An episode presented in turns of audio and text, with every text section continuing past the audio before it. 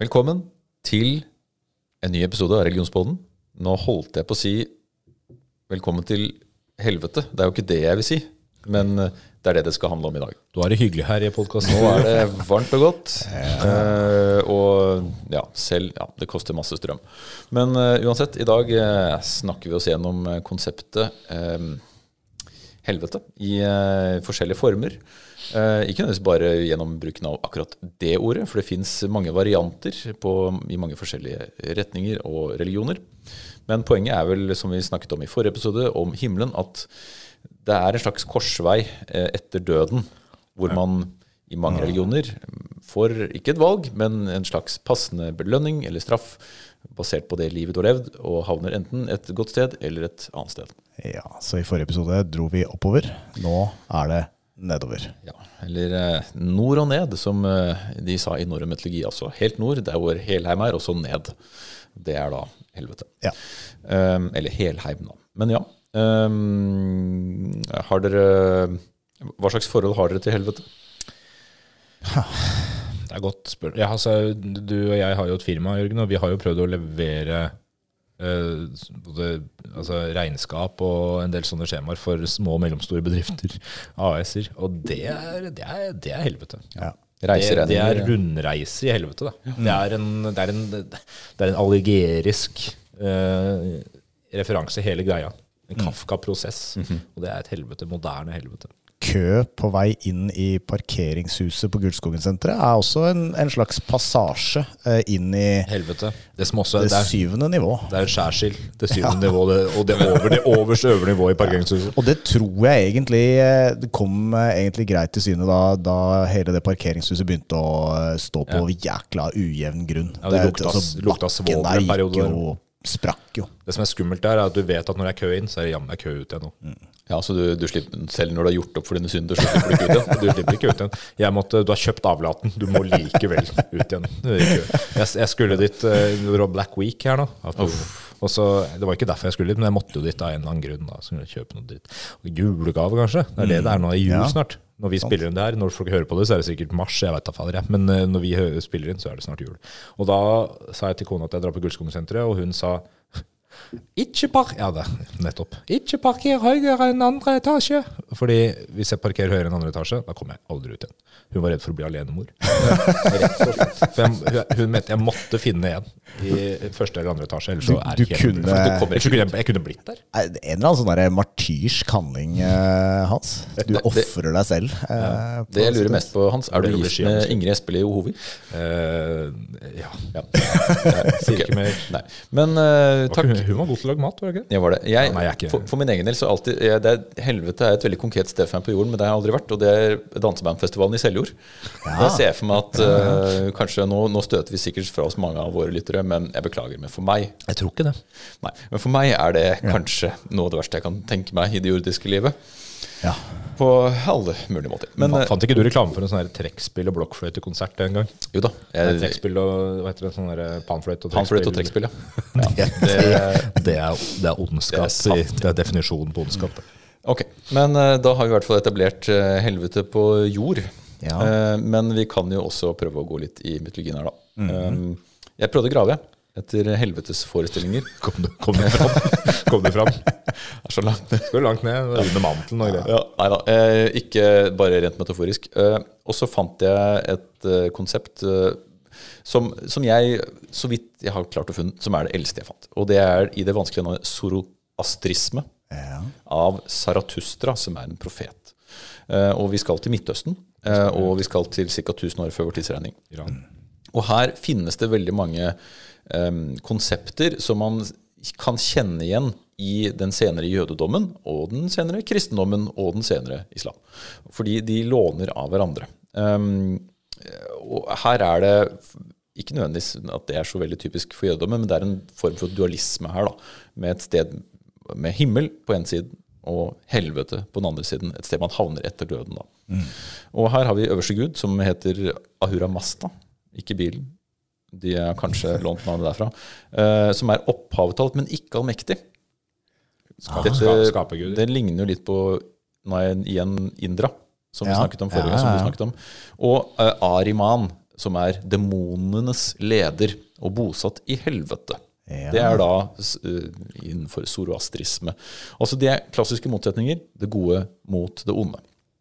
Og man lurer på om kanskje dette er den eldste form for helvete man kjenner til, i hvert fall i skriftlige kilder. Det kan selvfølgelig finnes flere eldre konsepter også, som enten er like ulike, men eh, det var så langt jeg klarte i hvert fall, å, å finne den, eh, den linken. Ja, da skal ikke jeg eh, arrestere deg på det. Jeg kommer ikke på noe eldre. Det er klart det at Du har jo ideer om dødsriker, men det, det er liksom noe annet. fordi du kan jo I mange religioner kan du snakke om liksom tre etterlivsstadier. ikke sant? Det er dødsriket, så er det himmel, og så er det helvete. Ja, ikke sant? Eller paradis og helvete. Der du ene gir deg frelse, det andre gir deg straff. Og det dødsriket egentlig bare er et sted du kommer i mellomtida, eller et nøytralt sted. Er vanskelig å si, da. Eller, eller noe som innbefatter begge de to andre. Ja, men og, ja. Og som et, som et relativt nøytralt sted, så har vi også i den norrøne mytologien som navnet, så vidt jeg kan skjønne, Helvete, ja. kommer fra. Altså Helheim, hvor, hvor Hel, som også er navnet på da, sjefen i Hel Død, Gud og dødsriket. Ja. Og det, det er på en måte, Vi snakket om Valhall sist, som er på en måte den ypperste superhimmelen for de som kriger og dør i strid. Men uh, Hel er også stedet hvor de aller fleste kommer. Og det er ikke et slags sånn stedet for evig pinsler-sted. Det er et, eh, et sted hvor de aller fleste mennesker havner etter at de dør. Og det er um, det er ikke ja, det er ikke et sted med pinsler, men det, det, er, det er ikke så veldig sånn Det er ikke et paradis. Det er det ikke. Og Hel, eh, som er da en herskerinne i dødsriket, hun beskrives som svart, litt med utseende som et lik i enkelte kilder. Koselig. Så um, jeg, jeg tenkte på Kali i, eh, Ja, ja. i, i, i Hinduismen. i ja. Nå har hun en litt annen oppgave, kanskje. Men, eh, men ja. Eh, Men her kommer jo også da nord og ned-uttrykket, f.eks. i Helheim, som da, ligger på den ytterste nordpol. ikke sant? Eh, Men også å slå i hjel.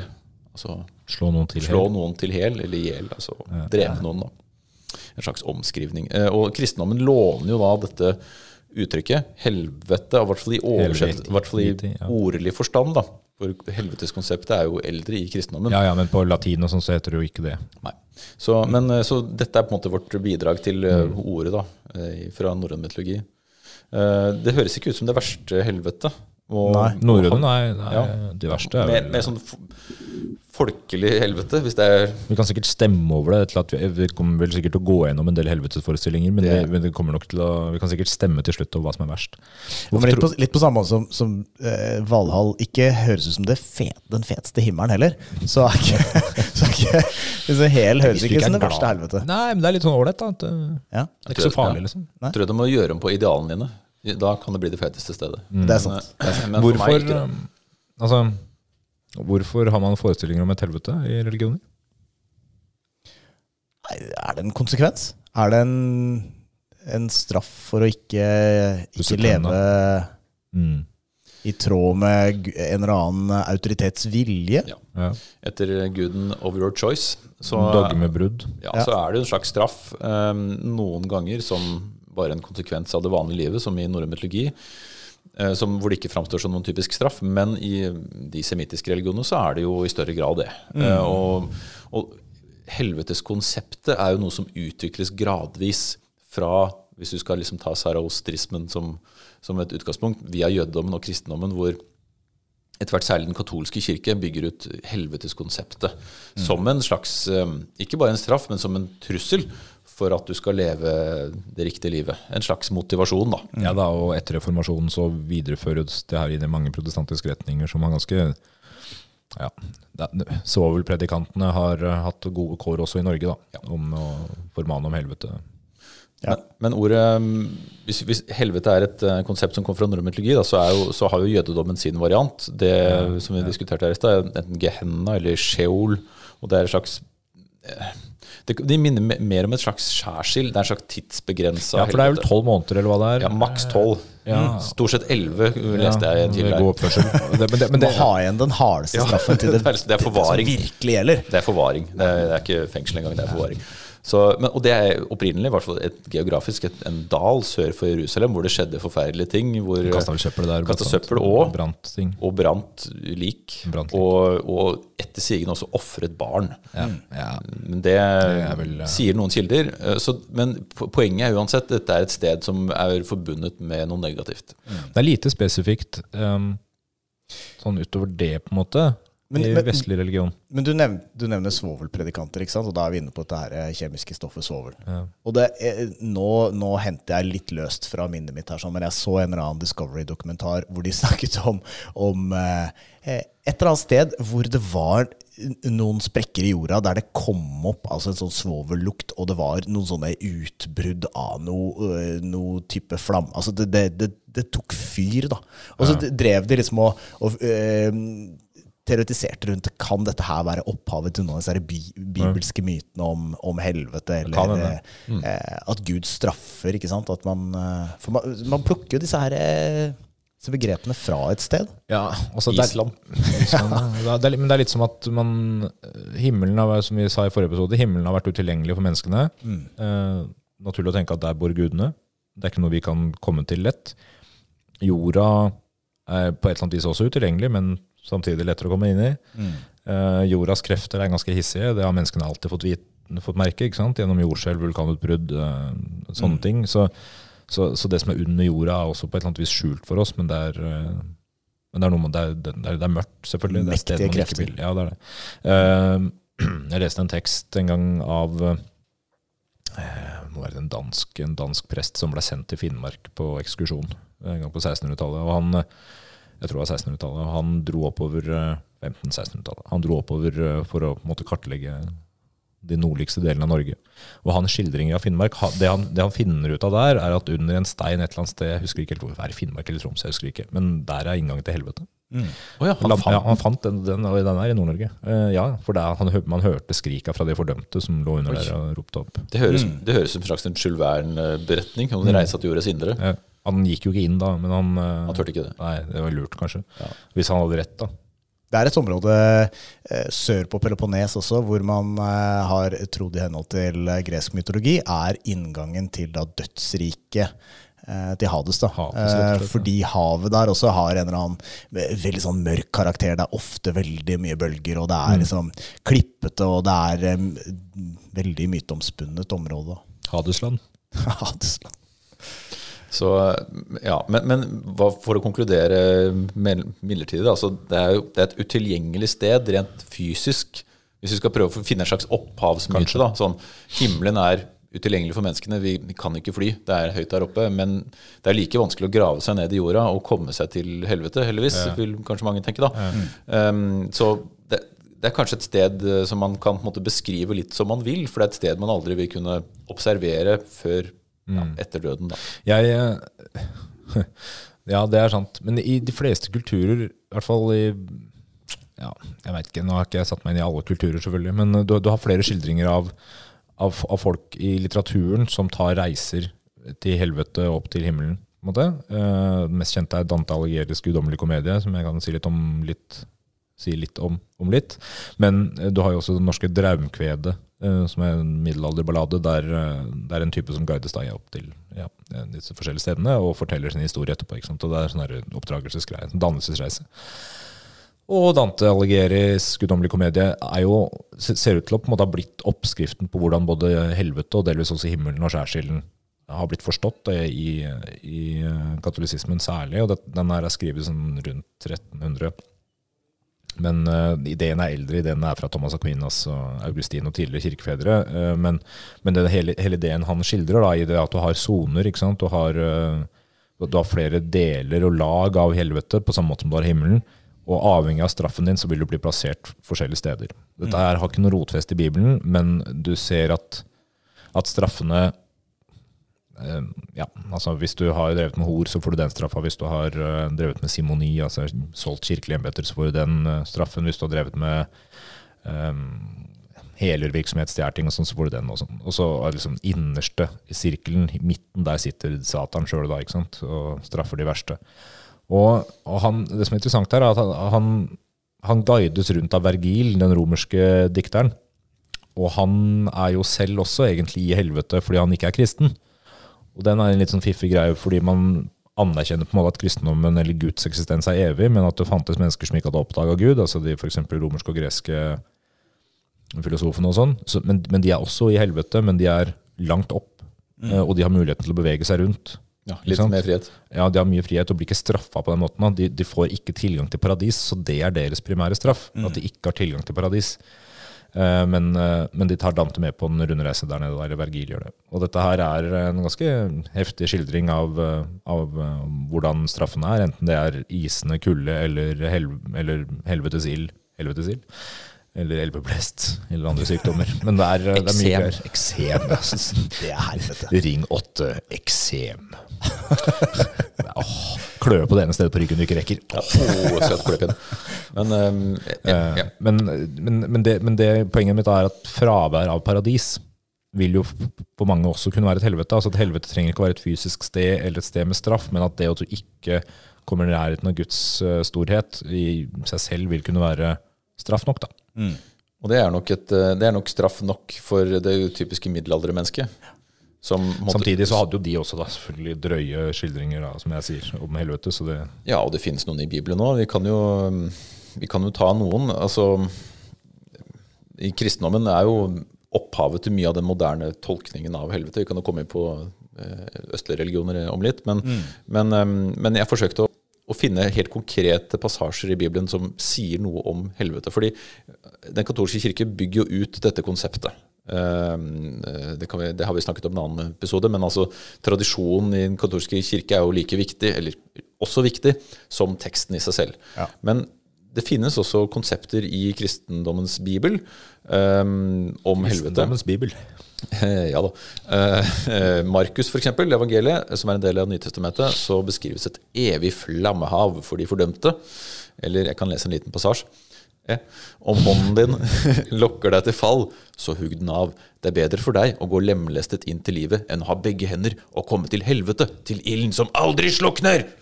Eller der marken som eter dem, ikke dør, og ilden ikke slukner. Det er ganske, det er ganske grafisk. Ja. Så helvete er et slags sted hvor Altså, det er marken som eter dem, ikke dør. Det er, det er ganske hardt. Det er, men det er, det er, de samme greiene du finner i islam. Mm. Uh, for å trekke den videre, da, de kaller det al-nar, ilden, eller uh, Hva blir det? Uh, jahannam. Jahanna. Ja. ja. Jahannam. og det, de er noen syv stadier der òg. Det er mye ild, det er røyk, og det er straff av forskjellige art. Ja, og det, det, viktige her er at straffen er akkurat så hard at du ikke dør av den, eh, og at eh, legemet ditt helbredes til stadighet, så du kan oppleve straffen på så, nytt og på nytt. Så tortur, altså. Tortur. E evighet. evighet. Ja, og, og, det her er litt interessant både i islam og i kristendommen. Eh, hva evighet innebærer her, er ikke gitt.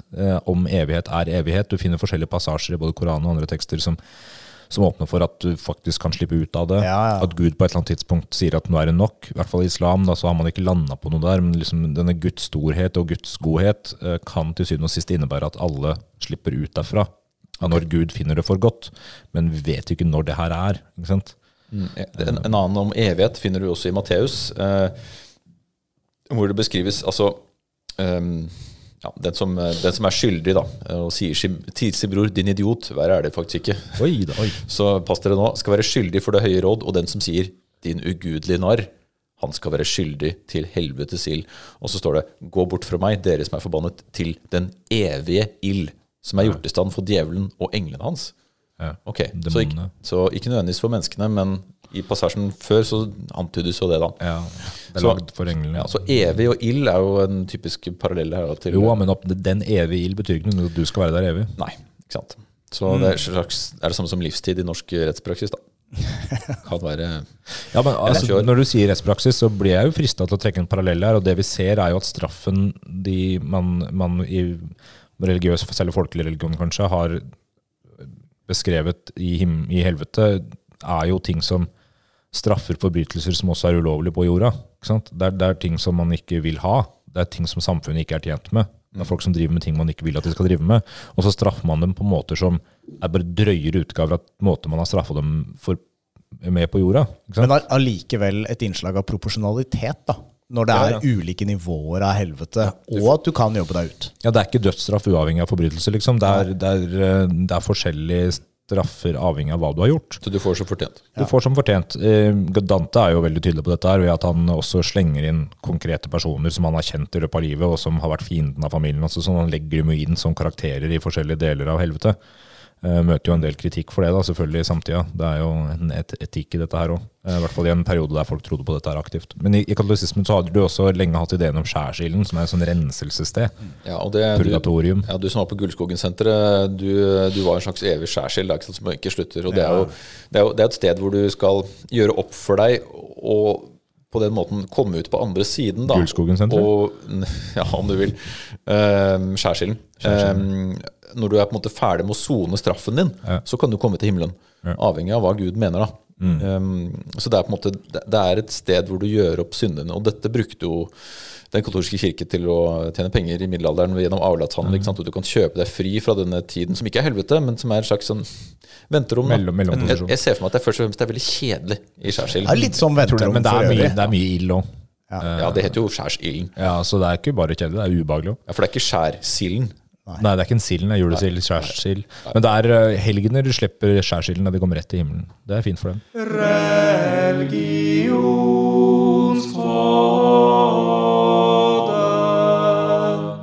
Du har jo nevnt disse syv nivåene, eh, Hans. Og det er jo det er bemerkelsesverdige parallelle trekk til, eh, til Østen også. For hinduene opererer også med syv nivåer av helvete. De hadde jo syv nivåer av himmel. Og, og syv nivåer av helvete. Og, og disse helvetene i, eh, i hinduismen de styres av demoner og slanger. Eh, og eh, helvete i, i henhold til hinduismen, det kalles for en loka. Da.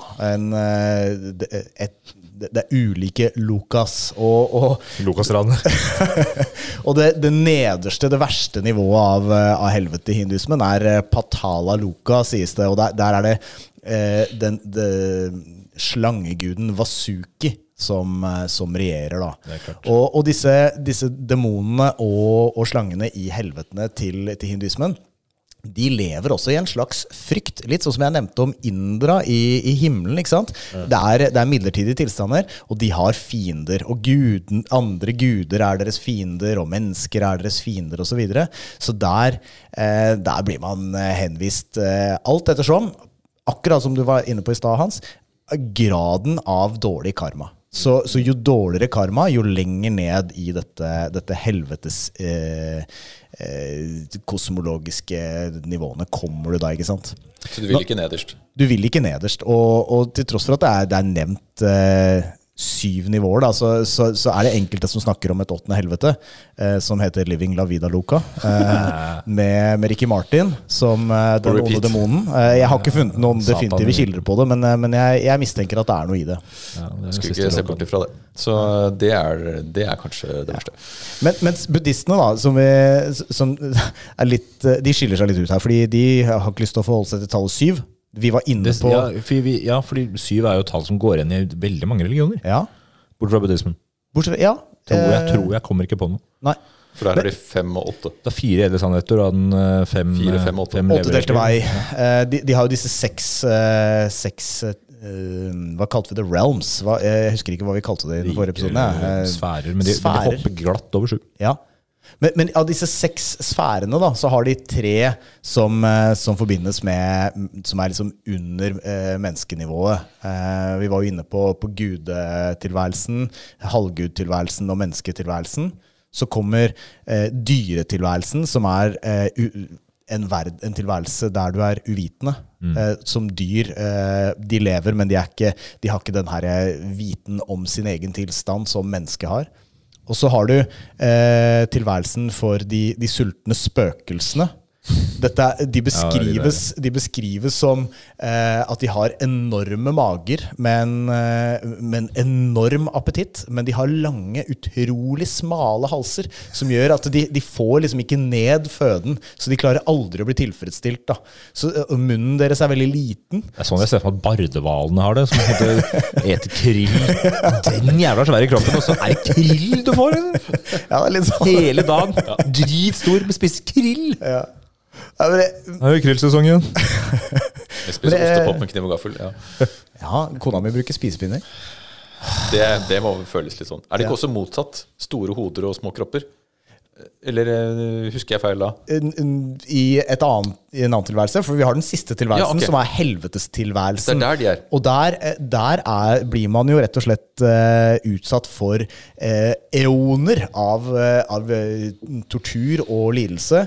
Og i likhet med det du nevnte i stad, Hans, som Dante er inne på, det er både varme og kalde helveter. Litt kalde avhengig av, av hva du har gjort. Da, og, og hva som er eh, dritt for deg. Ja, fordi det, det er også en greie. Er det sånn at liksom, Hvis du er glad i kulde, så er det varme du får omvendt? Fordi, kan være. fordi det, det finnes det skildringer av i flere andre religioner. At, at det som er Da vet jeg hvor kona mi handler. Ja, men ja, altså, hvis, hvis himmelen, da, mm. sånn som den beskrives eh, i en del, hos en del eh, kirkelige tidligere teologer, er et sted der du der du, du får det du attrår på jorda. altså Hvis du er glad i eh, god mat, så er det det du får. Du får ikke, du, Nytelsen forsvinner på et eller annet hvis du får metta det på god mat. da, si det sånn. Men da vil jo kanskje helvete også være det motsatte. At Hvis det er det du liker, så er det det du får. Eventuelt sånn som hos Dante, at du utsettes for det du har utsatt andre folk for.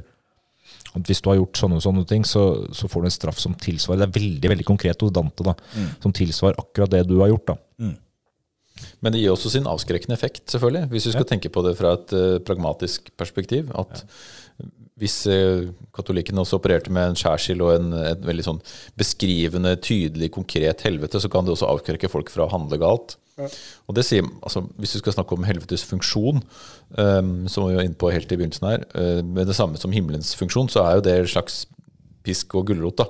Altså, du, kan, du kan la være å handle feil fordi du har en konkret uh, trussel om straff hengende over deg hvis du dør. Men hvis vi, ja, jeg vil plukke tak i det nå du sier om buddhismen. For hvis, Et av stadiene bør være å leve som dyr, ikke sant? som ikke har selvinnsikt.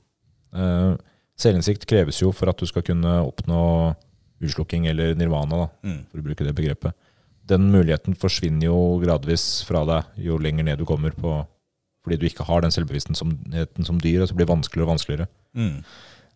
fordi hvis det er målet, på en måte, så vil jo det motsatte da være å ikke ha den muligheten, i tillegg til straffen du faktisk får. da. Mm. Konsekvenstenkninga i karmaen. da. Ja.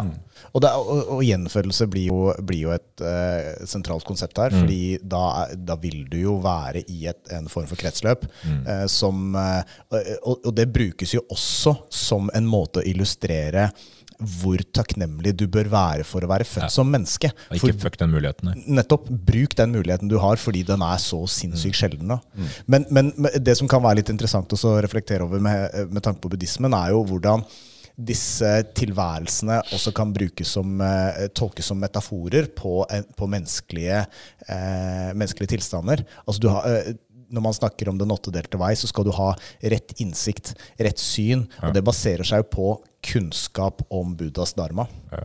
Hvis du er et uvitende menneske, så lever du i uvitenhet. Du vil ikke eh, forstå hva som er bra for deg, og du vil ikke søke opplysning. Ikke?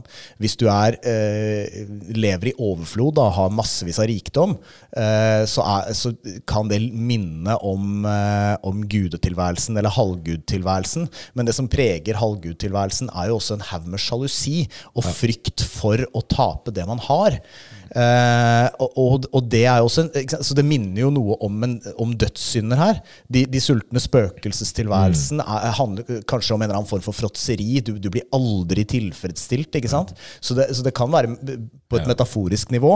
Fordi både hinduisme og buddhisme tar jo for seg samsara som en eh, situasjon der du er i en mangeltilstand. Ikke sant? Så du er ikke engang lykkelig uvitende. Nei. Du er uvitende, og du plages av det på Ja. et vis. Eller du plages av de materielle fordeler fordi du tar dem for gitt og vil ha mer. Ja. Sånn sett ganske likt et eh, normalt forbrukersamfunn, mm. Ja. Hvor du hele tiden higer etter, eller begjærer, da. Eh, Ja, ja. Å ha mer. Jeg vil ha større hytte, jeg vil ha større båt. Og uvitenheten ligger i at du ikke forstår at det ikke kommer til å gi deg noe. ikke sant? Du trenger, etter det. du trenger ikke det. Thomas Aquinas skriver om at pinen også innebærer en samvittighetsgnag over det du har gjort galt. Og det, det ligger på en måte i helvetes pine. I tillegg til tap av Guds nærvær, og at du opplever åndelig og legemlig pine. Altså I tillegg til den legemlige fysisk, så er den åndelige, og det ligger jo litt i det der. da. Ja. At du, du, du, kan, du smertes over det du har gjort, f.eks., eller du, du oppnår ikke innsikt i Og sjelen din full, altså fullbyrder ikke sitt potensial, liksom. I, I det så minner du litt om det du snakker om i Østen der. Du snakka om ånder i, eh, i østlige religioner. her. Eh, Det er jo også et eh, ganske levende konsept i semitiske semittiske religioner, altså kristendom, jødedom, islam. Ja, demoner, ja. Altså, og konseptet helvete har jo også altså, I likhet med helvete så har også konseptet Satan, Ja. eller djevelen, også blitt utviklet gradvis. Um, og um, jeg, jeg fant en kilde fra en såkalt deutrokanonisk uh, kilde, altså det som er en del av den katolske bibelen, men ikke den protestantiske. En bok som heter Tobits bok. Og da har man en, en demon som beskrives som Amodeus, altså ikke Amadeus, men Amodeus. Og det betyr ond ånd. Og han beskriver som, hold dere fast, en trehodet demon for seksuell lyst, sinne og hevn. Høres ikke det ut som en eksplosiv kombinasjon? Seksuell lyst, sinne og hevn. Ja. Det, da, da har du møtt liksom alle, alle tingene man ikke skal ha for mye av. Um, Straffesex. ja, det er, alt er feil. Um, Det er det. også, også med en annen uh, Men altså, konseptet Satan har også blitt mm, utviklet av ikke minst den katolske kirke som, som, som en slags sånn Altså, det, det moderne konseptet er jo en slags fyr med, med høygaffel og eh, horn som er, har rød drakt og ligner litt på Donald. Og rød drakt. Det, er ikke, det, er ikke, det er ikke kroppen hans, det er frakk. Og det er rød sånn glidelås bak. Men som er på en måte sjefen i helvete, da. Eh, Administrativ leder. Ja, men, men han, han, opprinnelig så er også dette muligens også for zoroastrisme, hvor, hvor man har en, en ånd som har Og også i gammeltestamentlig sammenheng, en ånd som i utgangspunktet har vært en av Guds høyre hender, som har gjort noe av for å si det litt tabloid, har gjort noe av drittjobben hans. F.eks. har du djevelen som frister i Jobbs bok. Ja. Altså Hvor jobb måte testes av Gud. Da, for å, hvor, hvor troende er du? Hvor mye vil du ofre for meg? For Gud skal liksom finne ut av hvor er, hvor er grensa til jobb. Det er et veddemål mellom Gud og djevelen, så det her er jo et samarbeid. Og, og det samarbeidet ser man flere steder i Bibelen. At ikke, Djevelen er ikke nødvendigvis noe Han er ikke nødvendigvis på den andre sida, men så utvikles på en måte dette forholdet, da, ut, og ikke minst i hvordan man har tolket tekstene, så- til at djevelen blir en slags motpol. Og den dualistiske tenkningen ser man jo i flere religioner, at du har en, en, måte, en sjef for det gode, en sjef for det onde. Ja. Satan, som, men så har du også liksom ideen om, altså den folkelige ideen om, om Gud, eller om djevelen som en utstøtt engel, som en fallen engel som Gud har kasta til, til jorda og ned i helvete for å, fordi han bryter med Guds regler eller prøver å overta makta, og med han de englene som fulgte den, på en måte, og der har du demonene.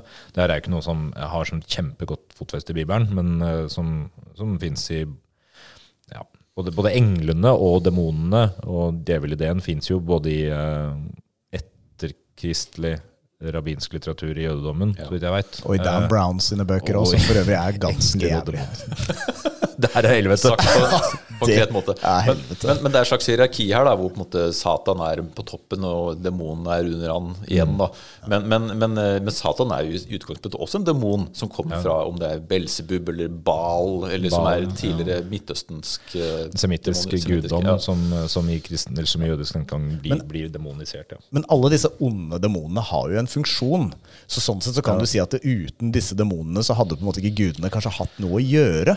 Det må være motsats. Da. Det er litt Ja. vanskelig, da, fordi Gud skapte onde. Det er ikke så godt å si. Eller kommer ondskap fra det menneskelige? Dette er rent religionsfilosofiske spørsmål. Men, men på samme måte som Judas øh, Du trenger en bad guy. For, Ja, ja. Han, han forrår Jesus, men det er helt nødvendig for at narrativet skal fortsette. Vi nevnte i forrige episode at slangen frister Eller det gjorde vi ikke, men slangen frister Eva og Adam. Særlig Eva, da. Ja. I hvert fall i kristendommen og jødedommen, også begge to i, i islam.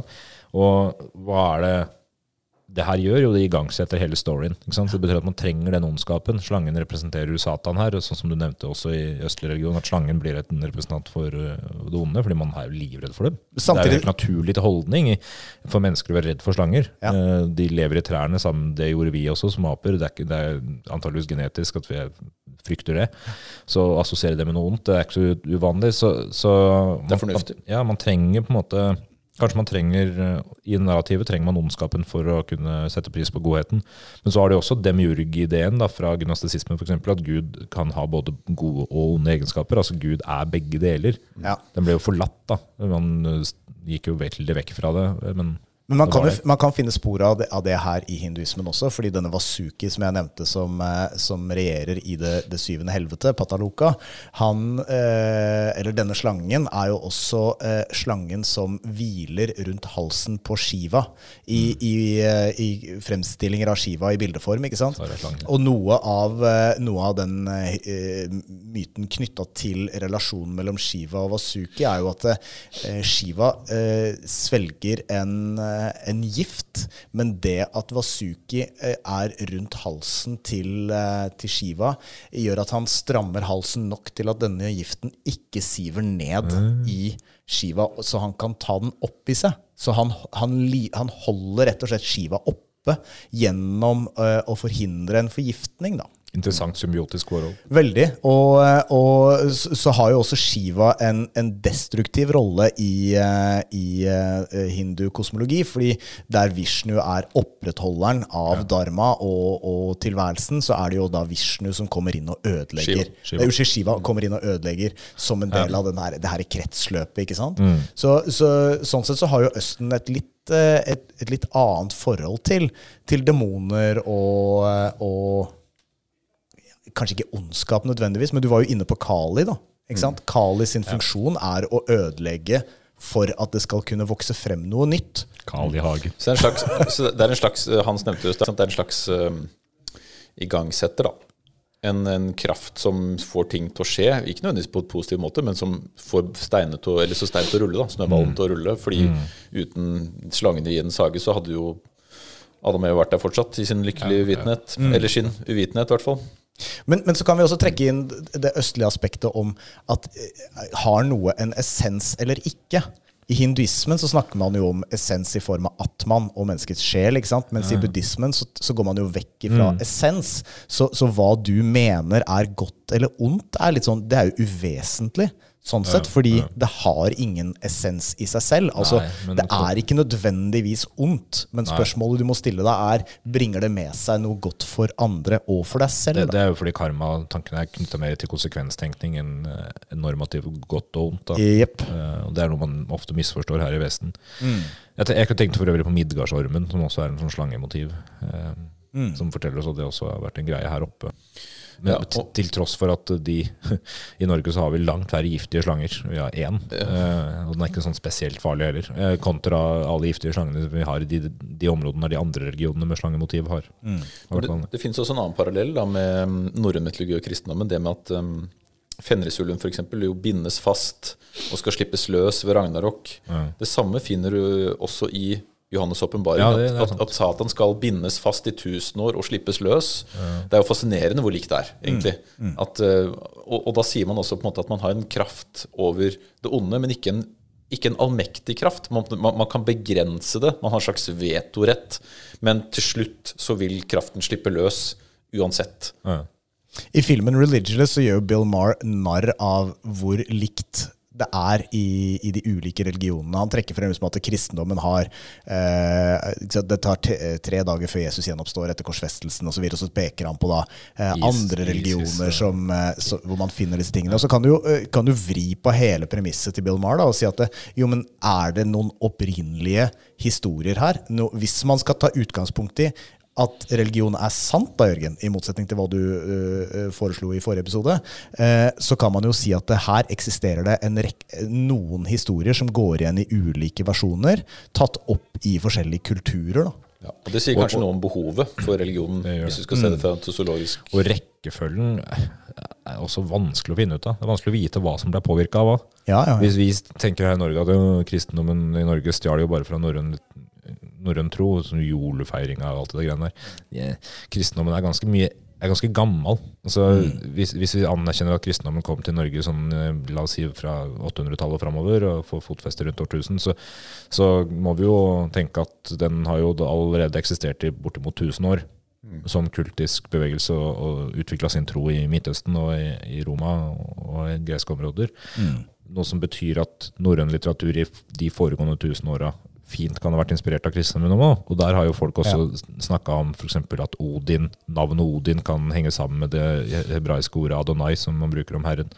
Eh, det her har ingenting med helvete å gjøre, men poenget er bare at også helvetesforestillingene er såpass like at vi må anta at de enten har ett felles opphav, jeg tror ikke det er ett felles opphav, men at, men at de om, om, de ikke har et fysisk sannhetsgehalt, så kan de ha et sannhetsgehalt for mennesket. At de, de, de, har en verdi for menneskene, siden menneskene har klart å komme opp med såpass mange like ideer. Uh, så det, det, forteller ganske mye om hva mennesker frykter, uh, hva mennesker mm. begjærer, og hva mennesker har behov for å tro på. Mm. Ja, det, ja, ikke minst så sier det jo noe om funksjonen her. da.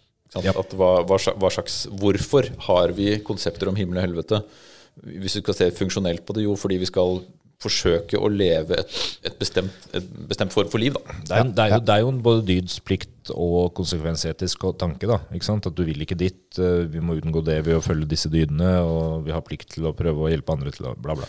Men det, men det er jo også Det er jo noen trenger pisk, ja, noen trenger gulrot. Ja, og det, er, det er en åpner-oppdrager-funksjon. ikke sant? Det er, som du sier, det er pisk og gulrot. Det er noe veldig menneskelig i det. Hadde du ikke hatt de konseptene, så hadde du lagd noen andre. ikke sant? I, uh, når du oppdrar barn, eh, når du prøver å få en stamme til å fungere sammen, eller et større samfunn, så er det paralleller til himmel og helvete du opererer med. Mm. Det er belønning for gode handlinger, og det er straff for dårlige handlinger.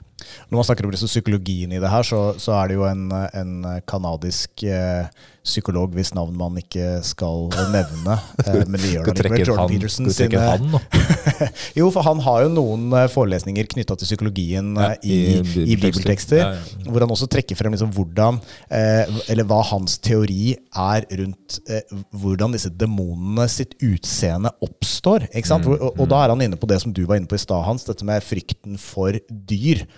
Ikke sant? Så setter man sammen den herre drageforestillingen av av svære, mektige vesener som har eh, en blanding av slangekropp og, og en eller annen fuglekropp og, ja. og, kanskje noe krypdyr eh, av noe slag. ikke sant? Ja. Som, som, at det kanskje kan være noe som vokser frem gjennom eh, utallige generasjoner av mennesker som har frykta dyr. Da, i, det er derfor han, han, forholder seg til en judeokristen uh, mytos da, mm. når han snakker om dette her, men du, du, ser jo det samme i østlig religion, antageligvis mm. i i afrikanske muntlig overleverte religioner, du finner det i eh, samiske religioner antageligvis, og du finner det i indianske religioner. Mm. En blanding mellom frykt og respekt ofte. At man ser liksom at ja, du skal behandle naturen på en viss måte, eller med respekt rundt deg, men også frykte det som er farer. Om ikke det konkret er drager, så kan i hvert fall det være en slags eh, en, eh, om, Kall det en omskrivning eller en videreføring av dyr man har møtt som mm. har gitt deg Kjøtt, problemer. Ja, Katter er jo, det er jo djevelens dyr. Og det, det, sier jeg ikke bare fordi jeg har katt. Som, hun er jo en trivelig katt, men plutselig, vet du. Plutselig så er hun der. Mm. Likevel så likte egypterne de var glad i katter. Egypterne var glad i katter. Eh, det var ikke middelalderens eh, mennesker. Eh, det var en pave, jeg husker ikke hva han het. Men det er mulig han også het Jordan Peterson. Nei, jeg husker ikke hva han het. Men han, han, øh, han sendte jo ut et dekret der man mente at han skulle drepe alle katter. For han mente at det tilhørte Satan. Så man begynte med katteutrydding. Det er en myte om at det gjorde at rottebefolkninga holdt på å si, i Europa spredte seg så jævlig at det var grunnen til svartedauden. Det er ikke riktig, da. Men, øh, men, han ville drepe alle kattene, ja. Det er ikke sikkert det var så lurt uansett.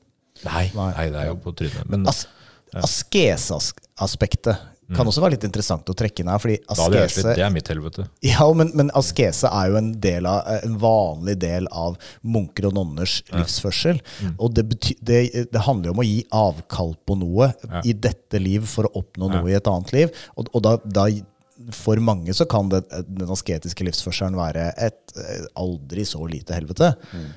Hvis ikke så ville kanskje poenget vært borte. Ja, ikke sant? Da er det jo ikke askese, da er det jo, da er det jo fredagskos og mm. gullrekka. Mm. Taco uten ost, det er ikke oh. askese, men, eh, men, det kan virke sånn. Ja. Gulreka. Gulreka. Men uh, tiden løper fra oss, uh, selv om uh, vi fortsatt har tid igjen her på jorden. Ja. Det får vi håpe. Men apropos helvete i dag. Ja, Vi har nevnt et par eksempler. da, Du på Gullskogen og jeg på ja, i Seljord. Jeg bare lurer på liksom man, I flere religioner, særlig liksom, norske kirke, katolisismen delvis også, forlater jo i større og større grad helvete som konsept, og man er ikke så opptatt av det lenger måte.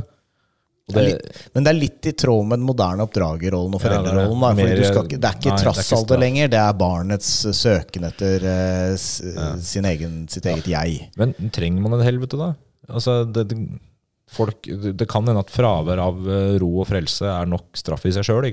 Mange mennesker som lever skikkelig dritt på jorda. Det er ikke sikkert at de trenger et helvete som eh, motiverer dem. Det kan hende det motiverer dem nok å tenke at vet du hva, jeg har muligheten til å oppnå noe bedre enn det her hvis jeg jobber godt nok. Mm. Samtidig så lever nok helveteskonsepter helveteskonseptet relativt godt i store deler av verden. Det gjør det nok. Og ikke nødvendigvis vår, men, eh, um, men um, Altså hvis du, Da jeg gjorde research i episoden, her, så gjorde jeg meg noen tanker. fordi jeg, jeg med deg om, Jørgen, at jeg søkte på YouTube etter dokumentarer om himmel og helvete. Og jeg finner urovekkende lite liksom umiddelbart. Det jeg finner, er veldig mange sånne amerikanske svovelpredikanter som snakker om at denne mannen har vært i helvete, der møtte han faren sin. Her er hans historie. Denne kvinnen har eh, sett djevelen med egne øyne. Hun? Det, er, det er veldig mye sånt. da. Så jeg, jeg tror det det er vanligere å ha opplevelser av Det virker sånn da at den frykten er nok større, hos en del folk enn det der liksom jeg har vært i himmelen og sett. Det er mer uoppnåelig. ikke sant? Ok, eh, vi kan jo forlate helvete for denne gang. Åh, det var deilig. Eh, og um, Jeg tar på meg skjorta igjen. det Godt og varmt, godt og varmt er det. Ja, men i hvert fall varmt blir det. Så, men eh, takk for uh, innsatsen. Så håper jeg det holder. At vi det, det sa jeg der. Jeg fikk installert ny peis. Så Ja. takk, takk for innsatsen. Takk for innsatsen. Det sa du. ja. Men da, da ses vi igjen når det passer. Hei. Religionsfolk.